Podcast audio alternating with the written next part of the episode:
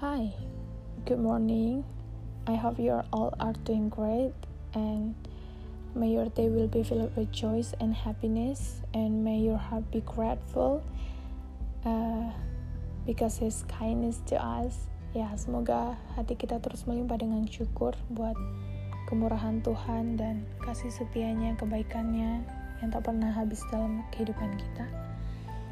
So the definition of today is from 2 Corinthians 12 verse 9 to 10 dari 2 Korintus 12 ayat yang ke-9 sampai yang ke-10. Hmm, aku akan membacakannya.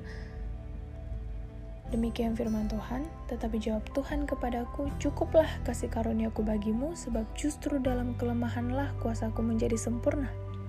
Sebab ter itu terlebih suka Aku bermegah atas kelemahanku supaya kuasa Kristus turun menaungi aku. Karena itu aku senang dan rela di dalam kelemahan, di dalam siksaan, di dalam kesukaran, di dalam penganiayaan, dan kesesakan oleh karena Kristus. Sebab jika aku lemah, maka aku kuat. Firman Tuhan yang aku bawakan pada saat ini, uh, aku berikan tema yaitu penderitaan yang mendatangkan dorongan. Surat Korintus adalah surat yang ditulis oleh Rasul Paulus kepada orang-orang di Korintus atau jemaat di Korintus pada saat itu. Dan kalau kita melihat latar belakang kota Korintus atau orang-orang di Korintus, jemaat Korintus pada saat itu, di mana mereka masih banyak yang masih hidup di dalam hidup mereka yang lama atau belum meninggalkan pola-pola atau cara hidup mereka yang lama. Dan itu membuat Paulus menuliskan surat 1 Korintus. Itu adalah dorongan Paulus menuliskan 1 Korintus di mana surat 1 Korintus berisi banyak teguran, banyak nasihat, bahkan teguran dengan keras terkadang yang dilanturkan Paulus kepada orang-orang di Korintus. Namun, alasan dibalik surat 2 Korintus adalah sebagai lanjutan dari surat 1 Korintus di mana surat itu merespon atau mengungkapkan kelegaan Paulus dan sukacita Paulus karena jemaat di Korintus merespon dengan baik teguran yang diberikan oleh Paulus dan menerima dengan positif apa yang diberikan oleh Paulus. Nah, Melihat surat ini, uh, ternyata pada saat itu di dalam jemaat di Korintus uh, mereka menghadapi masalah di mana masalah itu adalah terdapat rasul-rasul palsu pada saat itu yang memecah belah jemaat dan ya dan menjatuhkan Paulus meragukan Paulus. Dan itu seperti menjadi ganjaran besar kepada uh, orang-orang di Korintus pada saat itu yang membuat mereka menjadi ragu. Nah, di balik itu, di balik apa yang terjadi seperti rasul-rasul palsu membuat banyak keraguan di kepada orang-orang di Korintus mengenai Paulus, di balik itu terjadilah keraguan yang cukup ya keraguan yang cukup besar uh, terhadap Paulus oleh jemaat di Korintus. Nah, mereka meragukan tentang kredibilitas Paulus, otoritas Paulus, dan tentang ya wewenang Paulus seperti itu. Nah, biasanya jika ada sesuatu yang kurang dari seseorang atau hal yang lemah dari seseorang yang membuat keraguan di hati yang lainnya, itu akan dimanfaatkan orang lain untuk menjatuhkan seseorang tersebut, dan pasti ada penolakan, dan orang-orang mungkin tidak menerimanya karena keraguannya itu.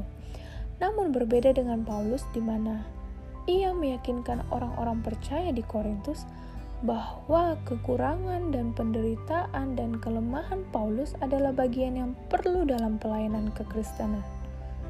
dan adalah bagian yang perlu pula dalam rencana Allah. Di dalam 2 Korintus 4 ayat yang ke-9, Paulus mengatakan dan menganggap penderitaan itu sebagai wujud nyata kuasa kehidupan Yesus di dalam dia dan ini menjadi contoh bahwa penderitaan dan aniaya itu sebagai motivasi yang besar untuk Paulus semakin melayani. Penderitaan yang dialami Paulus bukan malah membuat dia jatuh. Keraguan yang dialami Paulus bukan malah membuat dia semakin lemah dalam pelayanan, tetapi membuat dia semakin maju. Di ayat yang ke-9 dia katakan, Sebab itu terlebih suka aku bermegah atas kelemahanku supaya kuasa Kristus turun menaungi aku. Melalui penderitaan yang dialami Paulus, ia juga mengajak orang-orang Korintus mengambil bagian dalam kemitraan dan persekutuan di dalam Tuhan. Di sini, uh, impact yang Paulus harapkan adalah supaya apa? Supaya Injil semakin diberitakan, supaya pelayanan itu semakin besar melalui penderitaan yang mereka alami. Jika kita memperhatikan bagaimana surat 2 Korintus ini berbicara kepada kita, kita akan melihat bagaimana Rasul Paulus mengalami kesusahan, penderitaan yang seharusnya yang seharusnya itu harusnya membuat Paulus Paulus harus bersedih dong. Paulus harus menderita.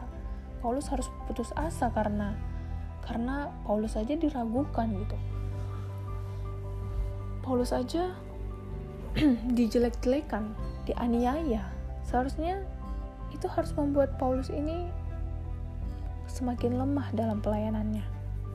Namun, tidak dengan Paulus. Di balik itu, di balik kesulitannya, justru kasih karunia dan kuasa Allah mendorong Paulus semakin menjadi pribadi yang berintegritas, semakin sanggup dan bahkan penderitaannya itu menyebabkan Paulus semakin terdorong dan bermegah dan yakin dan bersuka cita. Serta hal itu membawa Paulus dan jemaat Korintus ke dalam suatu persekutuan yang akan membawa syukur dan kemuliaan bagi Allah. Apa yang dapat kita pelajari dari hal ini? Meskipun penderitaan yang kita alami atau kesulitan yang kita sedang hadapi, masalah yang terjadi yang mungkin kita merasa ya seharusnya masalah ini menjadikan saya lemah. Tapi yang mau saya katakan di sini adalah saya. Tapi yang aku mau katakan di sini adalah baiklah kita meneladani sikap Paulus.